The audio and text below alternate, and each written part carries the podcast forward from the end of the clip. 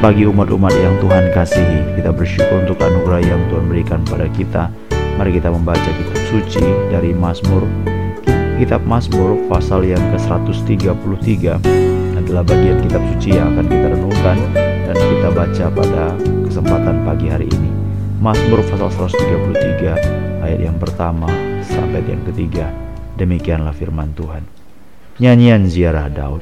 Sungguh alangkah baiknya dan indahnya Apabila saudara-saudara diam bersama dengan rukun, seperti minyak yang baik di atas kepala meleleh ke janggut, yang meleleh ke janggut Harun dan ke leher jubahnya, seperti embun gunung Hermon yang turun ke atas gunung-gunung Sion, sebab ke sanalah Tuhan memerintahkan berkat kehidupan untuk selama-lamanya. Sampai di sini pembacaan kitab suci.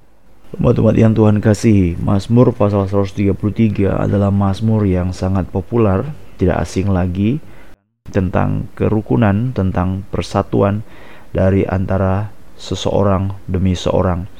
Tapi membaca kitab suci berdasarkan maksud rencana dan bagaimana Alkitab itu membicarakan sebenarnya ya.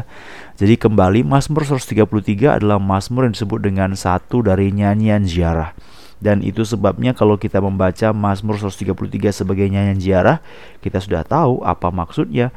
Dan salah satu aspek yang perlu bersaudara dengan rukun. Apa maksudnya saudara duduk diam bersama dengan rukun? Ada satu salinan kitab namanya itu adalah kitab Targum ya. Itu adalah salinan kitab bahasa Aram uh, dari uh, kitab suci. Itu mengatakan saudara demi saudara di sini adalah orang Israel dan orang Yehuda. Apa maksudnya? Ya, kita tentu tahu bahwa pada waktu Tuhan sebenarnya memilih bangsa Israel itu 12 suku kan. Tetapi karena dosa dari raja-raja, khususnya di sini adalah Raja Salomo sebenarnya. Karena Raja Salomo itu anak dari Raja Daud, dia kan akhirnya dari akhir hidupnya dia kan menyembah berhala, hatinya condong kepada dewa-dewa dari istri-istrinya. Sehingga dia mendirikan bait Allah, dia membangun bait Allah, tapi juga dia mendirikan kuil-kuil bagi istri-istrinya karena sangat cintanya. Jadi akibat daripada perbuatan itu, maka Tuhan berkata, selama hidupmu, aku tidak akan memecahkan kerajaan ini karena Daud ayahmu. Tetapi begitu dia mati, maka Tuhan mulai memecahkan kerajaan itu menjadi kerajaan Israel, jadi 10 suku, menjadi kerajaan Yehuda, dua suku, yaitu suku daripada Yehuda dan suku Benyamin. Jadi ini merupakan suatu perpisahan yang terjadi. Makanya ada kerajaan Israel Utara dan kerajaan Israel Selatan tidak pernah mereka bisa beribadah lagi bersama-sama di kota Yerusalem. Jadi kerajaan Yerusalem, kerajaan Yehuda itu kebaktiannya di Yerusalem, sedangkan kerajaan Israel itu kebaktiannya itu bukan lagi di Yerusalem, tapi belakangan itu ada dalam Yohanes pasal yang keempat. Itu adalah cerita di mana Yesus bertemu dengan seorang perempuan Samaria. Dan dia berkata bahwa nenek moyang kami berkata beribadah itu di gunung ini, gunung Gerizim. Tetapi nenek moyang kamu orang Yahudi beribadah katanya di Yerusalem. Nah, jadi ini merupakan suatu perpecahan yang terjadi. Maka pada waktu orang-orang melihat bahwa pada waktu Yerusalem dipulihkan, waktu Yerusalem dipulihkan itu berarti Israel Utara, Israel Selatan, Yehuda dan Samaria itu kembali bersatu kembali. Maka itu adalah Tuhan akan memulihkan namanya Sion. Ini merupakan hal yang digenapi dalam Yesus Kristus. Karena apa? Karena pada waktu kita membaca Mazmur 133, Saudara lihat ada beberapa hal yang ditunjukkan bagaimana istilah persatuan ini muncul. Yang pertama adalah berpisahnya mereka adalah karena kesalahan raja. Tetapi mereka bersatu di sini karena apa? Bukan karena raja, tetapi karena imam. Dalam ayat yang ketiga dikatakan, seperti minyak yang baik di atas kepala meleleh ke janggut, yang meleleh ke janggut Harun. Jadi Harun itu adalah imam besar.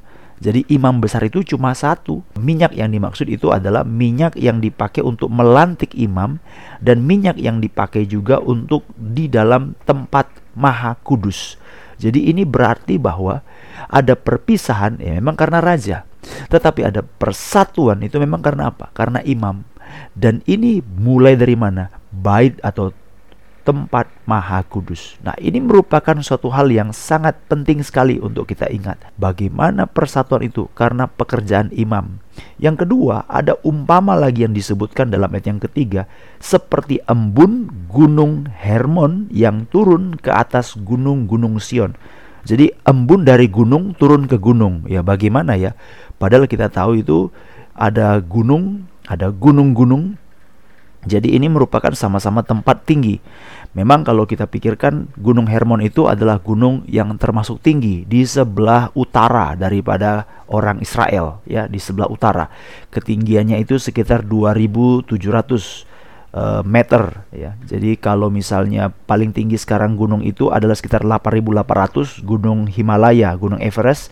Kemudian setengahnya itu adalah Gunung Alpen di Swiss sekitar 4400, kemudian Gunung Hermon itu sekitar 2700. Dan ini merupakan gunung yang tinggi, Gunung Hermon, tapi dari situlah turun tempat yang sejuk. Dari situlah turun udara yang segar. Dari situlah turun embun yang dapat menyejukkan. Sampai ke mana? Sampai ke Gunung Sion yang jaraknya sekitar 160 km. Jadi sekitar 100 mil. Jadi itu turun. Artinya apa ini? Artinya tempat yang jauh tapi dia menjangkau. Ini merupakan suatu bayangan pada waktu bait Allah pada waktu pekerjaan imam sungguh dikerjakan itu menyatukan perpecahan kedua ini karena raja tadi maka ini akan menjangkau suatu tempat yang sangat jauh dari Hermon di utara sampai ke Gunung Sion Yerusalem di sebelah selatan yang jaraknya cukup jauh sekali itu akan menjangkau. Nah, sekarang kita melihat apa ini bayangan. Yang pertama adalah kerajaan Israel yang terpecah.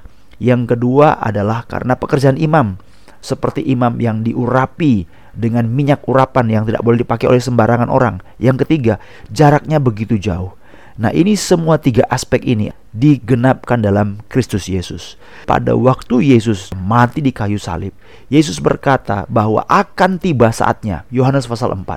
Orang akan beribadah tidak di gunung ini, tidak di Samaria, tidak di gunung Gerizim, tidak juga di Yerusalem akan tiba saatnya orang itu beribadah dalam roh dan kebenaran. Pada waktu Yesus mati di kayu salib, tangannya terentang dari kiri ke kanan untuk menyatukan semua orang, untuk memanggil semua orang. Apakah engkau orang Yahudi karena orang Israel? Apakah engkau Yahudi karena orang Yehuda? Apakah engkau Yahudi karena kamu kerajaan Samaria? Apakah engkau Yahudi karena kerajaan Yerusalem? Semuanya itu bersatu bersama-sama. Dan waktu kamu bersatu bersama-sama, siapa yang menyatukan? Dia adalah imam yaitu Yesus Kristus. Imam yang telah memercikan darahnya sendiri ke tempat kudus, yang mengkorbankan dirinya sendiri. Ini pekerjaan imam. Itu sebabnya pada waktu Yesus naik ke surga, dia berkata, kabarkanlah Injil ke seluruh bumi. Tapi Injil itu mulai dari mana? Mulai dari Yerusalem, dari Yudea, dari mana? Samaria, sampai ujung bumi. Jadi ada Yerusalem dan Samaria, baru sampai bangsa-bangsa lain. Jadi waktu saudara membaca kisah Rasul pasal 1 ayat 8, saudara bisa menemukan Mazmur 133 ini. Yaitu apa? Di situ ada Yerusalem, orang dengan Samaria, yaitu dua Israel kerajaan Israel yang terpecah. Lalu sampai ke mana? Sampai ke ujung bumi, seperti embun dari gunung Hermon yang jauh di utara, turun sampai ke gunung Sion yang di selatan sampai ke ujung bumi. Inilah berita Injil. Jadi adalah berbahagia apabila saudara hidup bersama dengan rukun. Kerukunan itu karena apa? Karena pekerjaan imam, karena pekerjaan penebusan daripada Yesus Kristus. Jadi ini aspek yang bukan dikerjakan karena hal-hal duniawi. Oh, kita bersaudara, kita rukun. Oh, kita harus tidak boleh saling menyakiti. Bukan. Ini membicarakan suatu gambaran dari pekerjaan Kristus. Kalau orang Israel ingin Sion dipulihkan, kalau orang Israel ingin kembali untuk menegakkan kembali bait suci, menegakkan kembali kota yang hancur, maka apa yang terjadi? Pekerjaan imam harus dinyatakan pekerjaan penebusan harus dinyatakan, pekerjaan keimamatan harus ditegakkan. Nah, inilah yang disebut dengan saudara diam dengan rukun. Bagi kita orang percaya, ini digenapkan dalam siapa? Dalam Yesus Kristus. Jadi, siapakah kita disebut dengan saudara? 1 Yohanes pasal 5 ayat 1 dia berkata, "Mereka yang lahir dari Allah mengasihi Dia juga yang lahir daripadanya. Dan mereka yang disebut sebagai anak-anak Allah yang daripadanya mengasihi juga saudara-saudaranya, yaitu orang-orang yang lahir dari Allah, orang-orang yang dilahirkan bukan dari keinginan laki-laki atau dari daging. Yohanes pasal 1 ayat 12 sampai 14.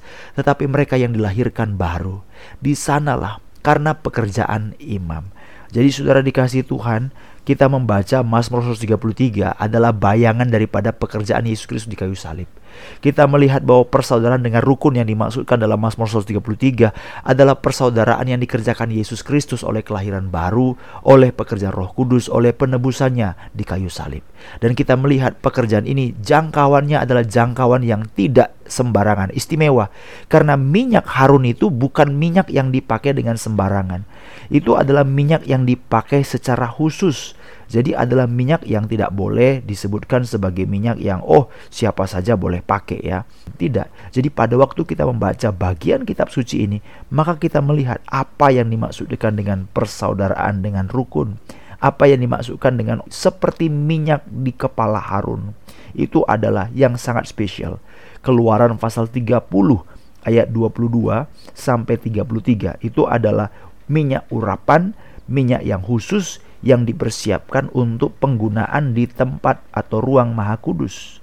Imamat pasal yang ke-8 bahwa minyak ini adalah minyak istimewa yang tidak boleh dipakai bagi sembarangan orang. Ya, Keluaran pasal 30 ayat 32 kepada badan orang biasa janganlah minyak itu dicurahkan. Jadi tidak boleh dipakai oleh orang biasa, harus orang imam saja dan ruang maha kudus. Eh, keluaran 30 ayat 32 dan janganlah kau buat minyak yang semacam itu dengan memakai campuran itu juga itulah minyak yang kudus dan haruslah itu kudus bagimu. Jadi bagaimana kalau ada orang yang menduplikasi atau tiru-tiru atau contoh-contoh minyak ini lalu pakai untuk diri sendiri? Ayat 33. Orang yang mencampur rempah-rempah menjadi minyak yang semacam itu atau yang membubuhnya pada badan orang awam, diapain? haruslah dilenyapkan dari antara bangsanya. Jadi kembali lagi saudara-saudara, ini adalah kekhususan seperti minyak seperti minyak yang di atas kepala Harun yang meleleh ke janggut ke jubah. Ini bukan bicara masalah minyak sembarangan. Jadi kembali lagi istilah rukun yang dimaksud di sini adalah suatu bayangan sesuatu pekerjaan yang hanya dikerjakan oleh imam. Jadi bukan pekerjaan yang dikerjakan oleh kekuatan politik oleh karena raja, oleh tokoh masyarakat, oleh siapa, tidak ya. Jadi ini persaudaraan yang rukun yang istimewa ini adalah peristiwa yang dikerjakan oleh pekerjaan imam. Bagi kita oleh pekerjaan Yesus Kristus. Itulah sebabnya persekutuan ini, persatuan ini adalah persatuan perintah berkat Allah untuk selama-lamanya. Ayat 3. Jadi tidak semua persekutuan itu kita sebut sebagai persekutuan yang oh itu menggenapkan Mazmur 133. Enggak. Kalau kita baca istilahnya minyaknya itu khusus. Imam besar cuma satu. Gunung Hermon cuma satu. Mengalirnya paling jauh jaraknya. Jadi ini merupakan kalimat-kalimat yang disimbolkan. Tapi biarlah Tuhan tolong kita dengan segala kerinduan besar persekutuan orang-orang kudus akan diberkati oleh Tuhan selama-lamanya. Sekali lagi, persekutuan orang-orang kudus yang sama-sama lahir oleh karya penebusan imam yang sejati, yaitu Yesus Kristus, oleh darah Yesus, akan diberkati selama-lamanya. Mari sama-sama kita berdoa.